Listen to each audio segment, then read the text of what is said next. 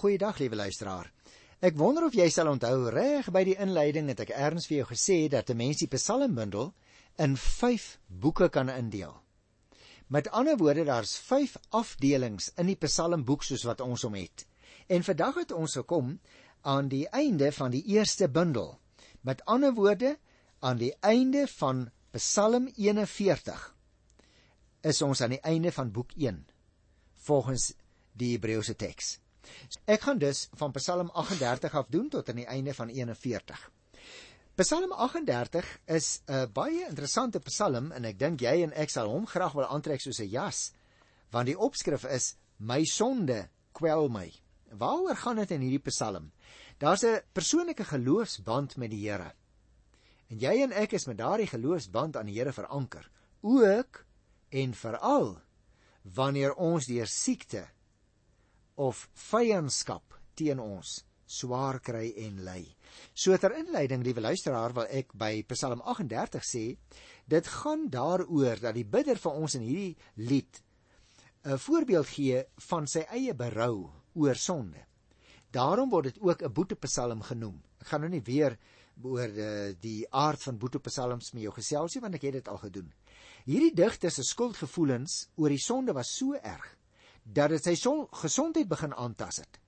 Ook het sy sonde hom van God en van ander mense af begin vervreem en dit het tot eensaamheid gelei en daarom het hy uiteindelik sy sonde bely en hy het berou betoon. En daarmee weet ons liewe luisteraar as ons berou het en ons bely ons sondes, dan vergewe die Here ons. Kom ons lees so 'n bietjie uit Psalm 38.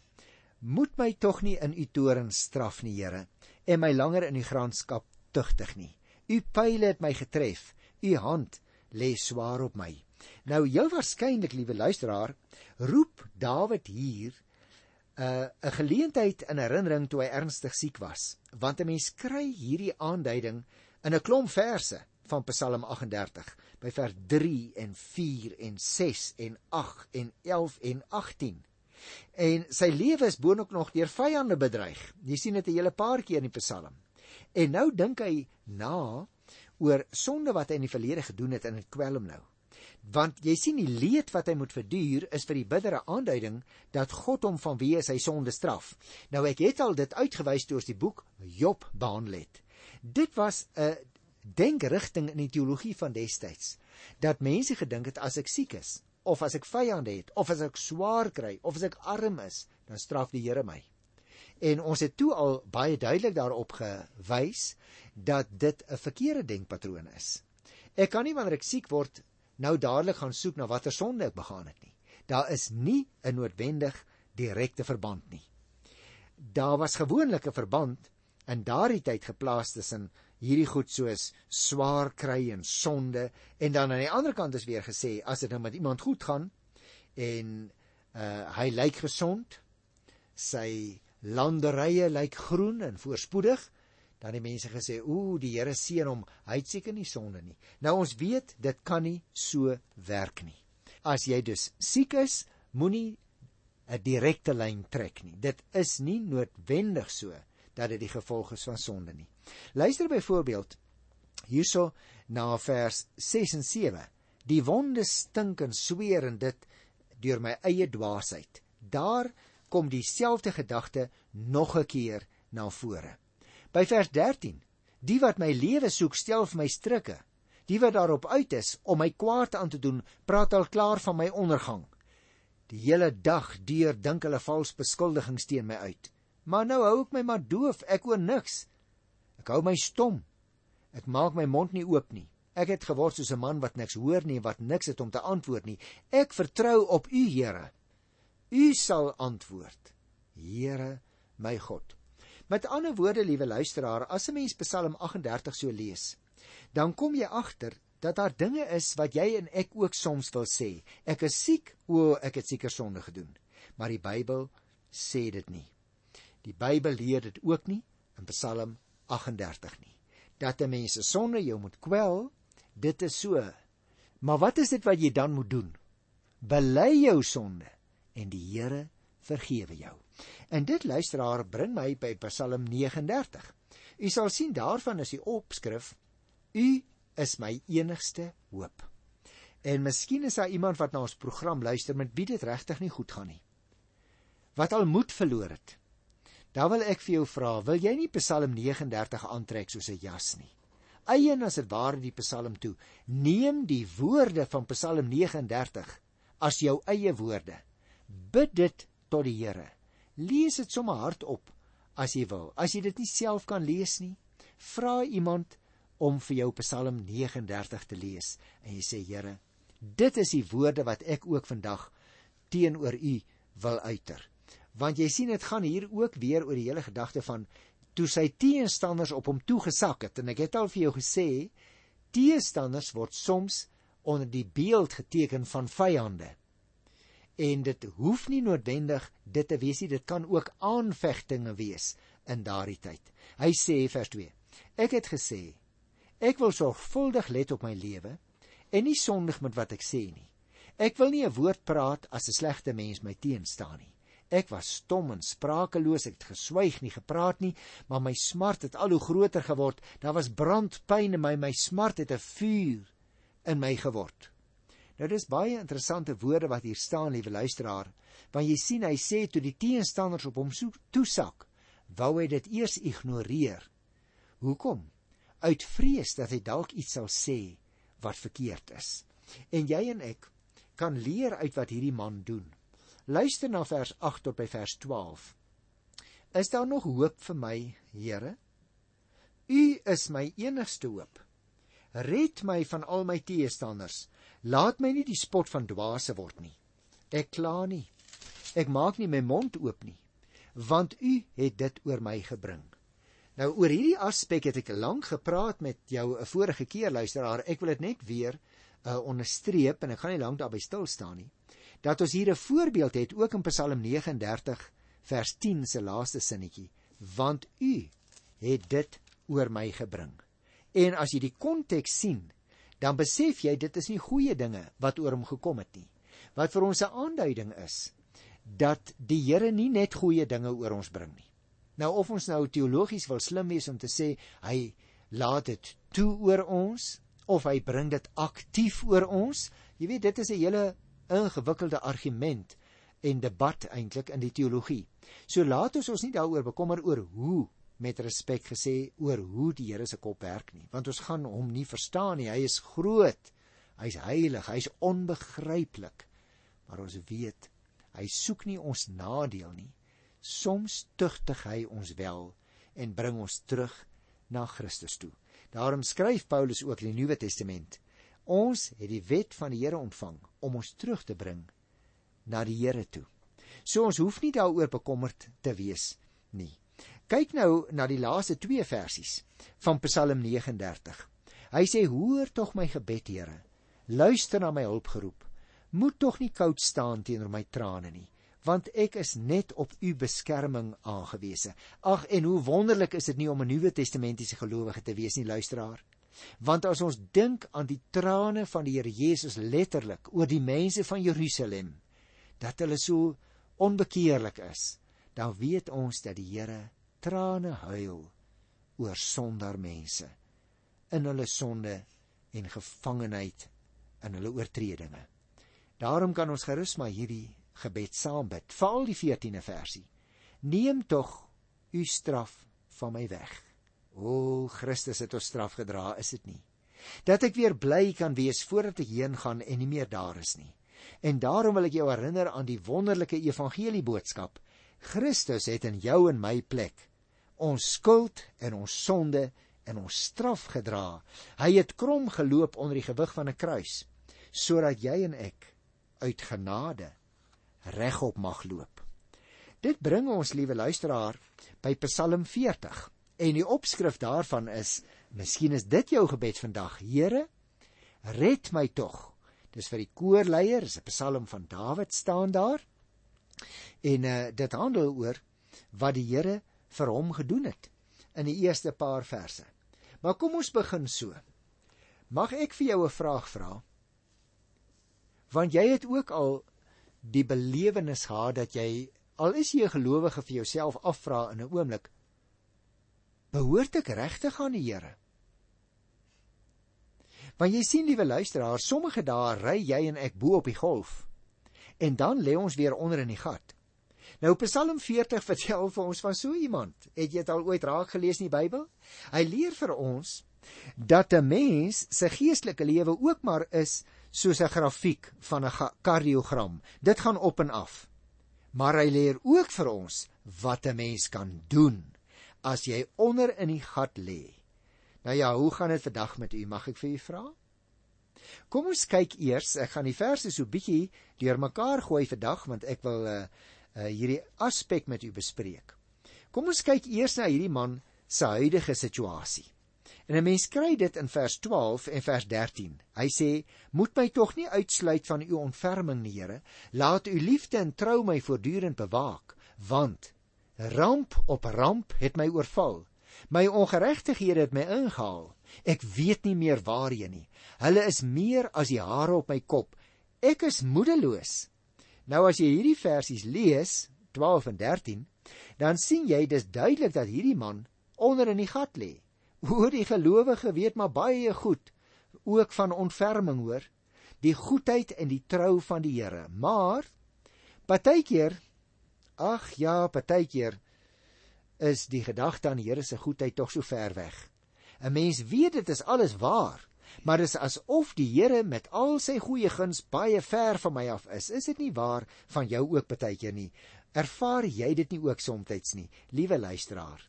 En dan is dit met jou en met my soos met hierdie man. Jy belewe soms niks van die goedheid van die Here nie. Jy wil as dit ware soos hierdie ou sê daar in die 13de vers, ramp op ramp het my oorval, my ongeregtighede het my ingehaal, ek weet nie meer waarheen nie. Nou is die vraag natuurlik luisteraar, wat doen 'n mens in so 'n situasie? Gaan jy nou maar net bly lê onder in die gat? Luister, die eerste ding wat hy doen in hierdie Psalm. Hy lees die grafiek van gister en hy sê: "Ja, ek gaan terugkyk. Daar was 'n tyd toe dit met my goed gegaan het." Nou moet jy oplet. Hy kyk nie net teen die hoë mure van sy eie situasie vas nie. Hy begin positief met danksegging. Hy roep al die wonderlike dinge van die verlede in, die, in herinnering. Alles wat hy alreeds in die verlede ondervind het en wat die Here vir hom gedoen het. Nou kan jy vra. Wat het die Here nou vir hierdie man gedoen? Kyk in vers 2 tot by vers 6. Ek het vir jou gesê ons gaan so bietjie deur mekaar met mekaar gesels. Hy sê ek het gesmag na die hulp van die Here. Hy het na my toe afgebuig. Kyk nou wat die Here als vir hom gedoen het, hè. Hy, die Here, het na my toe afgebuig. Hy het my hulp geroep, gehoor. Hy het my uitgetrek uit die put van die dood uit die slijmerige modder, my op 'n rots laat staan. Hy het weer vaste grond onder my voete gesit dat ek kan loop. Hy het my 'n nuwe lied in my mond gelê, 'n loflied vir ons God. Baie sal daarvan hoor en sien dis die gevolg van wat die Here aan hom gedoen het. Baie sal daarvan hoor en die eer aan die Here toebring. Hulle sal op die Here vertrou. Dit gaan goed met die mens wat sy vertroue in die Here stel. Nou, liewe luisteraar, hierdie ou lê onder in 'n put, net soos 'n arme ou Jeremia letterlik onder in 'n put gelê het. Daar in Jeremia 38 vers 6 tot 9. Nou daarop sê die psalmdigter nou, het die Here hom afgebuig. Hy het gehoor. Hy het hom uitgetrek uit die put. Hy het hom op 'n rots laat staan in al die dinge wat hy gedoen het en die gevolg was dat ander mense toe die Here begin loof het baie sal daarvan hoor sê vers 4 en aan die Here die eer bring. Maar nou interessant luisteraar, nou trek die psalmis die kringetjie heeltemal klein op homself en dan sê hy in die laaste gedeelte van vers 6: Ek sou daarvan kon vertel en daaroor praat, maar dit is te veel om op te noem. Met ander woorde, hy sê Here, As ek nou terugdink aan al die goeie dinge wat u al aan my gedoen het, dan is dit te veel om op te noem. Het jy ooit gedink, hoe lyk ware godsdiens? Want wie hier in vers 7 tot by vers 9 van Psalm 40 kry mense so ietsie oor ware godsdiens. Ek lees dit vir jou. Dit is nie diereoffers en graanoffers wat u wil hê nie. Nie brandoffers of sondeoffers wat u vra nie. U wil gehoorsaamheid hê. Daarop het ek gesê: Hier het ek gekom soos dit in 'n boekrol vir my opgeskryf is, om u wil te doen, my God, is my een begeerte. U woord is my hele lewe. Nou ja, natuurlik luisteraar, jy sal weet, destyds moes die Israeliete diere in die tabernakel gaan offer, want dit was deel van die Israelitiese ritueel.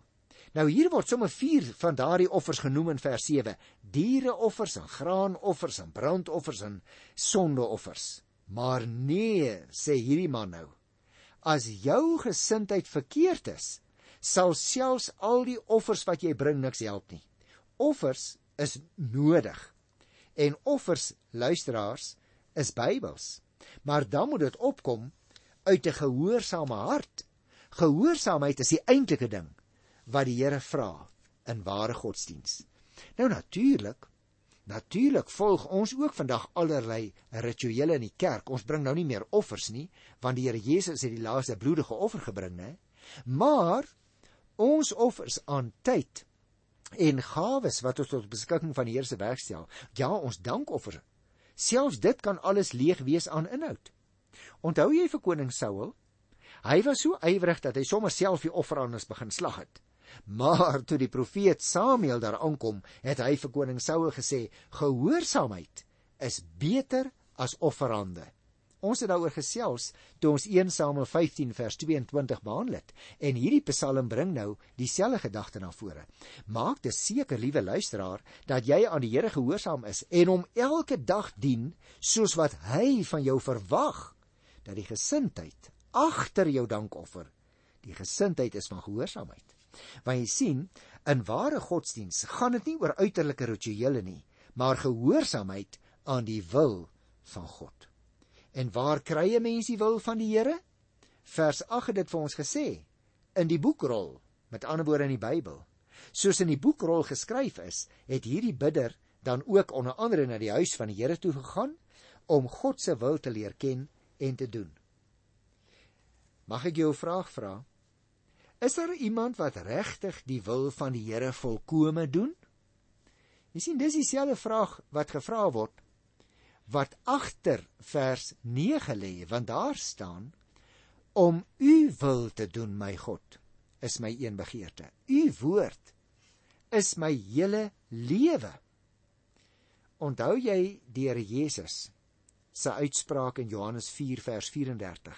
My voedsel is om die wil te doen van hom wat my gestuur het en om sy werk te voltooi. En in Hebreërs 10 vers 5 tot sê die skrywer diereoffers en graanoffers brandoffers en sondeoffers wou u nie hê nie en het u nie 'n behae in nie. Hoewel hierdie offers deur die wet voorgeskryf is. En daarna sê hy dit is nou die Here en dis 'n aanhaling van die Hebreërs skrywer kyk ek het gekom om u wil te doen. Met ander woorde luisteraar die eerste offers is afgeskaf Jesus het gekom, die wil van die Vader kom doen en die groot en finale offer op Golgotha gebring.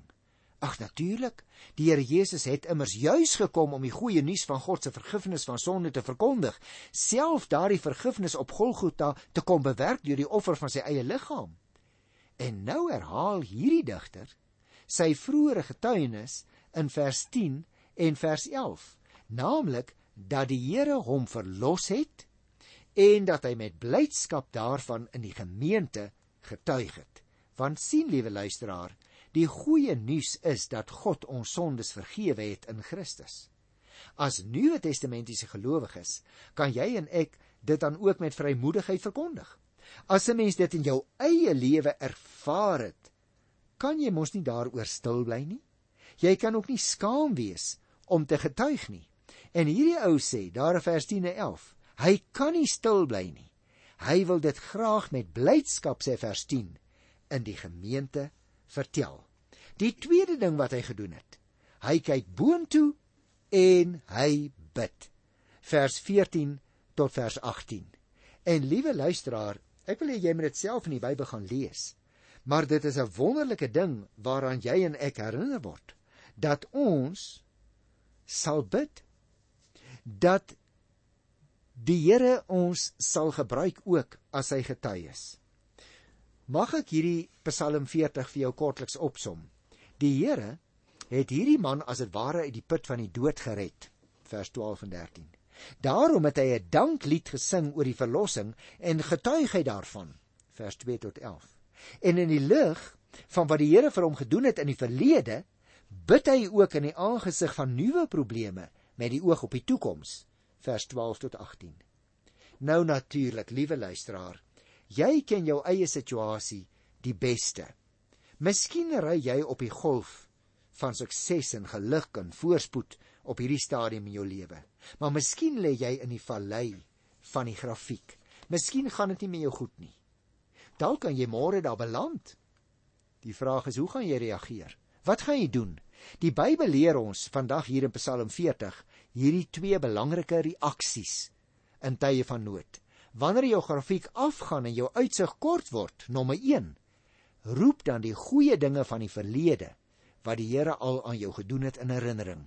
Skryf dit op 'n papier, getuig daarvan teenoor almal wat jy teekom. En die tweede ding, in die lig van die feit dat die Here sy trou aan jou bewys het in die verlede, bid in die hede tot die Here en weet uit ondervinding hy sal my help. En dit bring my dan by Psalm 41. Nou liewe luisteraar, Ek het vir julle gesê dit is die laaste Psalm van die eerste Psalmboek. Want die Psalmbundel, soos ons in die Bybel het, kan in 5 boeke ingedeel word. Nou ek gaan hierdie Psalm in detail met jou behandel nie, want ek wil graag net enkele dinge uitwys. Die opskrif is: Here, wees my genadig. Want jy sien as jy die Psalm gaan lees, dan sal jy sien die digter is siek Hy kry swaar vanweë die optrede van sy medemens, maar hy sien tog kans ten spyte daarvan om sy medemens te help. Hy bid om redding. Mag ek jou vra hoe reageer jy in tye van nood? Nou die ander aspek wat ek baie graag vir jou wil uitwys hier by Psalm 41 hang met die slot van die Psalm saam. En daarom wil ek van vers 11 af woordeliks saam met jou lees. Wees u my genadig, Here, en laat my hier opstaan. Vir jou gesê hy siek, né? Dat ek aan hulle kan doen wat hulle aan my gedoen het. Nou as Nuwe Testamentiese gelowiges sal ons dit nou nie regtig bid nie. Want ons oefen nie wraak uit nie. Ons laat die wraak in die hand van die Here oor. Hy sluit af vers 12. Dit weet ek U het my lief. My vyande sal nie oor my triomfeer nie. Ek is onskuldig. U hou my vas en laat my altyd by u bly. En nou luisteraar wil ek spesifiek stil staan in die laaste minuut of 3 wat ek het by vers 14. Want die 5 psalmbundels wat daar is sluit elkeen af met 'n loflied.